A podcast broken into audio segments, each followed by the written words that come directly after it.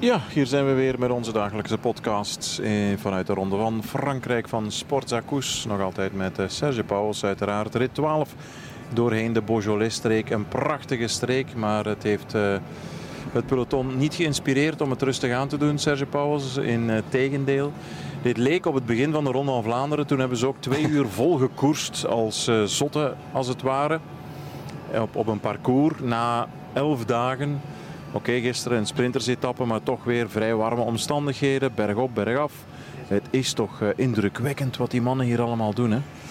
Absoluut. Uh, natuurlijk hebben ze gisteren wel een halve rustdag gehad, dat moeten we wel zeggen. Hè. Maar eergisteren was eigenlijk hetzelfde als vandaag, hetzelfde patroon. De dag na de rustdag ook volle bak koers. En ik had het enigszins wel verwacht hoor vandaag, dat het ook uh, weer lang zou duren eer dat die ontsnapping ging wegrijden. En we hebben heel veel aanvallen gezien, vaak dezelfde renners. Hè. Dat zijn natuurlijk de renners die, die zich nog goed voelen, die, die nog echt uh, goede benen hebben in deze Tour. Behalve dan die top 10 uit het klassement. Hè. Dat zijn niet de mannen die je vandaag, die je vandaag uh, mocht verwachten.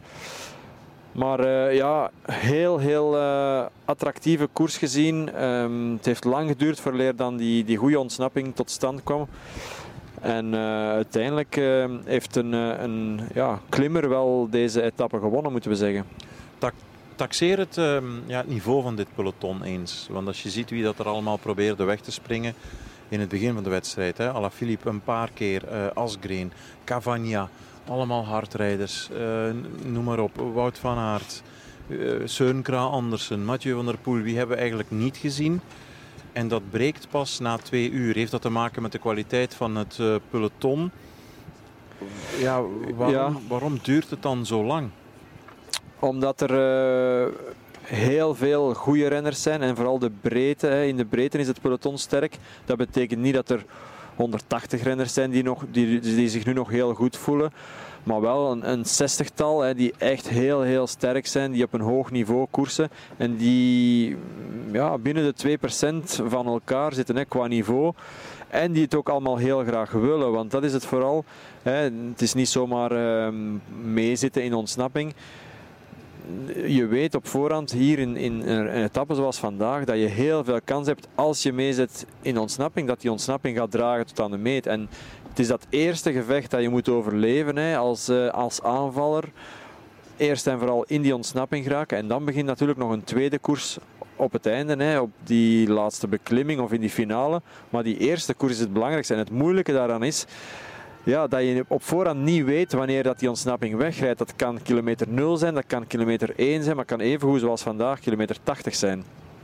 Je hebt dat wel een aantal keer gedaan in je carrière. Beschrijf dat eens, hoe, hoe zwaar dat fysiek is, maar ook mentaal. Telkens weer moeten beseffen, en nu moet ik mee, en die moet ik in de gaten houden. En misschien straks bovenop de top van dat bergje gaan ze weer aanvallen. Nee, nog even wachten, inhouden. Ja, wel, ik zal, je een, uh, ik zal je een, een voorbeeld geven en um, dan ga ik terug naar de etappe naar Gap in 2015. Toen we ook wegreden en, en het was al een, een heel gevecht geweest, hè, 20, 30, 40 kilometer. Oké, niet zo lang als vandaag, maar ook wel heel intens. En op een gegeven moment had ik al een aantal aanvallen gedaan en ik wist je, voelde aan alles dat het peloton op breken stond, maar er, was nog geen echte breuk ontstaan. En toen reden een aantal renners al weg en ik zag de weg zo nog lichtjes omhoog lopen hè, in het bos. En ik, je kon eigenlijk de top van dat kleine knikje zien liggen. En ik zat nog vooraan in het peloton, ik was nog niet mee.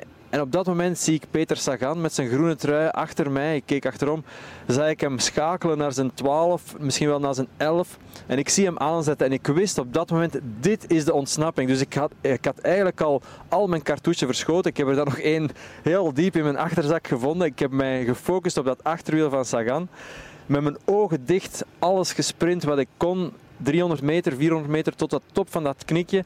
En boven was ik op 10, 5 meter van Sagan. Maar we zijn er wel nog naartoe gereden, naar die koproep. En, en ja, de ontsnapping was weg. En dat is hoe dat je zo'n zo'n aanvallen beleeft in het begin. Het is echt all in. Je moet eh, ja, alle cartouches die je op dat moment hebt, moet je, moet je gebruiken. En dan moet je hopen dat je mee zit en dat je een beetje kan herstellen in de volgende twee, drie uur, totdat dan die finale weer begint uh, van, van de etappe. En dan begint er eigenlijk een, een, nieuwe koers en hopelijk ben je dan opnieuw een beetje opgeladen.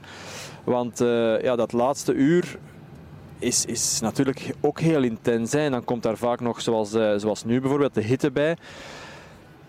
Uh, dus dan is het geen verrassing dat, uh, dat de beste renner uiteindelijk uh, wint, zoals ja. bijvoorbeeld vandaag. Dat proberen weg te rijden, is dat dan echt, ja dat is uiteraard op de limiet, maar is dat echt zoals men dan zegt, ja, met bloed in de keel, dat je amper kan slikken, ja, hijgen, de longen in brand, in vuur? Ja, ik heb zelfs ooit op een vlakke weg één bidon weggesmeten. Toen mocht, het nog, mocht je nog gewoon je bidons wegsmijten, moest dat niet naar een toeschouwer omdat ik ja, gewoon zo licht mogelijk uh, wou zijn. Het was dan nog op een vlakke weg.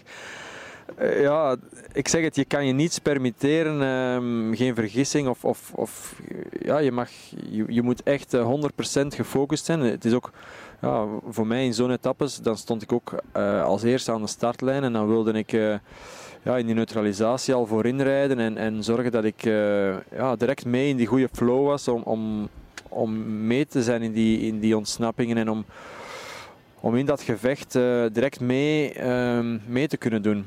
Want als je nu vandaag ziet, um, ik denk dat je het daarmee eens bent, de, de meest krachtige demarrage kwam eigenlijk van Wout van Aert. Zelfs zo krachtig dat uh, Ciccone niet wist wat zijn naam was op een bepaald ogenblik. Mm -hmm. Maar dat is dan niet de goede, want uiteindelijk zit hij niet mee. Maar het was wel zo imponerend. Ja, is het dan toch ook vaak een kwestie van timing, lang wachten? Want Dylan Teuns hebben we eigenlijk ook niet gezien, zat wel mee in de vlucht. Dus zijn neus was vandaag ook eh, prima, mm qua reukzin.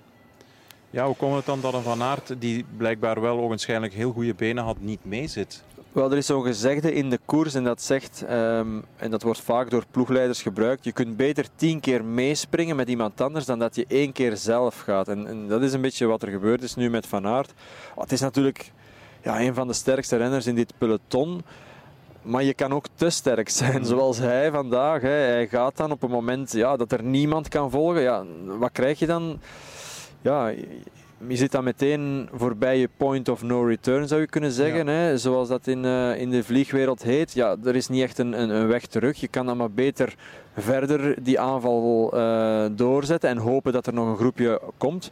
Maar in zijn geval had het ook verstandiger, denk ik, geweest om, om langer mee te schuiven en, en iets minder kwistig met zijn energie om te springen. Ja, dat zeggen we nu al een aantal dagen. Het is natuurlijk uh, ja, gemakkelijk gezegd vanaf de zijlijn, maar um, ja, het juiste moment kiezen is inderdaad ook een kunst. Hè. Het is niet altijd... Uh... Ja, want daar leek het echt op, hè? alsof niemand ten eerste kon, maar ook niet wou meegaan met hem. Want je, je tekent bijna als het ware je doodsvonnis.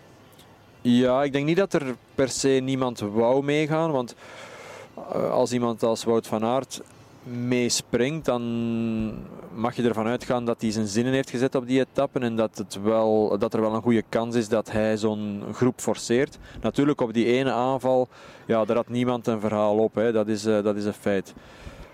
Oké, dan gaan we na twee uur koersen dan toch uiteindelijk kijken naar de vlucht van de dag met vier Belgen. Dat was uh, prima uiteraard. Welke rol hebben zij uiteindelijk kunnen spelen in, uh, in de vlucht van de dag? Ja, het was om te beginnen knap dat er vier Belgen mee waren. Hè, want het was zeker niet evident en het was ook geen gemakkelijk parcours. En voor iemand als Jasper Stuyven en Victor Kampenaerts ja, was het toch wel heel knap dat zij uh, deel uitmaakten van die ontsnapping. Het was niet, ze hadden het zeker niet gratis cadeau gekregen. Dan in de finale ja, was toch vooral uh, Tige Benoot, denk ik, de sterkste van onze Belgen. Hij werd uiteindelijk vierde. Dylan Teuns moest op de laatste beklimming uh, los. Ik had hem iets langer uh, in de vuurlinie verwacht, want hij gaf me wel een goede indruk onderweg. Uiteindelijk doen we als Belgen niet echt mee voor ritwinst. Maar, maar goed, um, het was, uh, het was wel sterk dat we collectief uh, aanwezig waren. Alhoewel dat natuurlijk de Belgen, dat bestaat niet. Hè. Ze rijden allemaal voor verschillende teams. Um, maar het is wel bemoedigend, want de voorbije dagen was er buiten Van Aert en Philipsen niet echt heel veel uh, of geen grote rol weggelegd voor de Belgen, denk nee. ik, als ik dat mag zeggen. Misschien een manke vergelijking hoor, een appelen met peren, maar een, een Kampenaerts kan een rit winnen in de Ronde van Italië. Hier doet hij heel goed zijn best, maar je voelt mm, ja, dat, dat dat heel moeilijk uh, is om, om daarin te slagen. Mm -hmm. Wat is het verschil, de kwaliteit van het peloton? Andere redenen? Mm, ja, de kwaliteit van het peloton voor een stuk. Ehm, en zeker, dat is een trend van de laatste jaren, hè, dat er echt wel hele goede renners ook in die ontsnappingen meegaan. Want je krijgt eigenlijk ja, een, een heel duaal gegeven op een gegeven moment in zo'n Tour de France. Hè. Je, hebt, uh, je hebt de sprinters en dan heb je de klassementsmannen. En daartussen is nog heel weinig ruimte voor uh, baroudeurs, voor uh, aanvallers, hè, type Cummings. Dat, ja, dat heb je bijna niet meer. Of een, Thomas de Gent.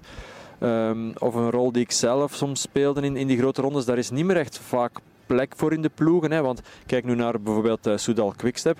Ja, die ploeg is vooral gebouwd rond, uh, rond Jacobsen, of was gebouwd rond Jacobsen ja, die mannen moeten dan gaan schakelen en moeten ineens uh, in de aanval gaan. Wat ze trouwens wel goed hebben gedaan, want ze hebben heel vaak meegezeten. Maar bijvoorbeeld een Alaphilippe dan op het laatste kwam ook wel tekort in, het, in de finale.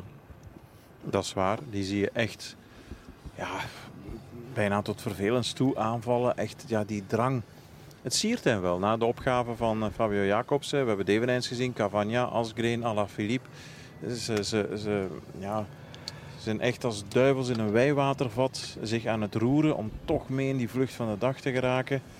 Hoe speelt dat uh, mentaal als je merkt dat dat moeilijk is om daarin te slagen?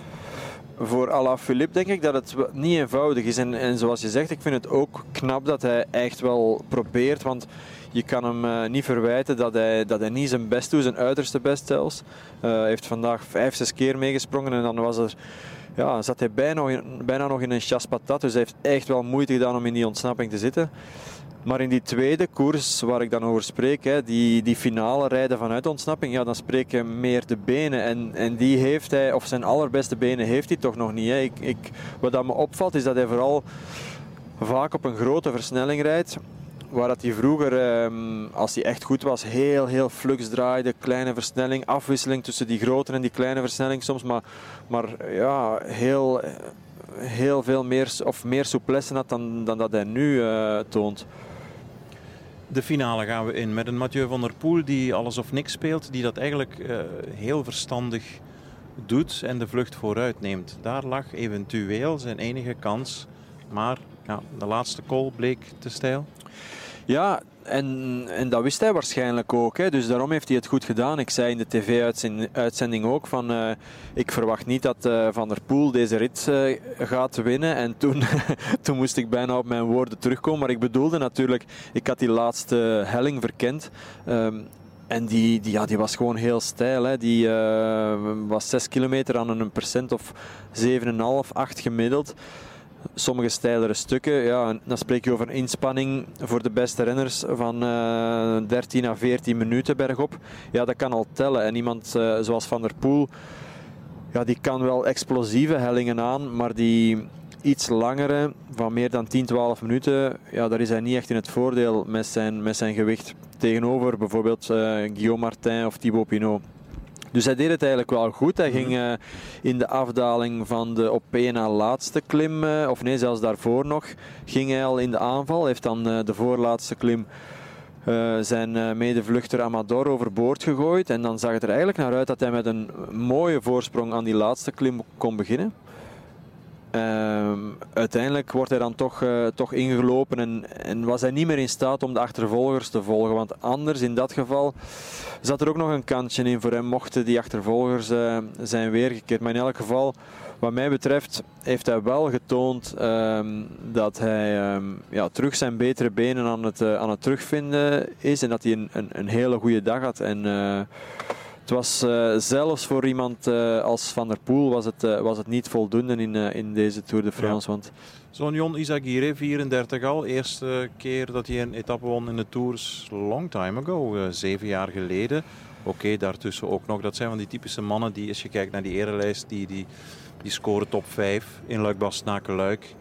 Um, top 10 in moeilijke klassiekers in het Baskeland, Catalonië. Dat zijn internationale, echte World Tour coureurs. Ja.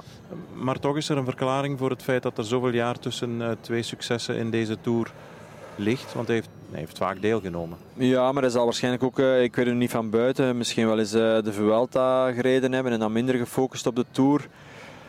In elk geval, dit is wel echt een toprenner hoor. Want die heeft de Ronde van het Baskeland gewonnen. En dat is internationaal een van de lastigste en best bezette wedstrijden die er op de, op de World Tour kalender is. het is niet omdat hij bij ons in België niet wordt uitgezonden dat dat een minder niveau is. Integendeel, dat is echt ja, een absolute topwedstrijd.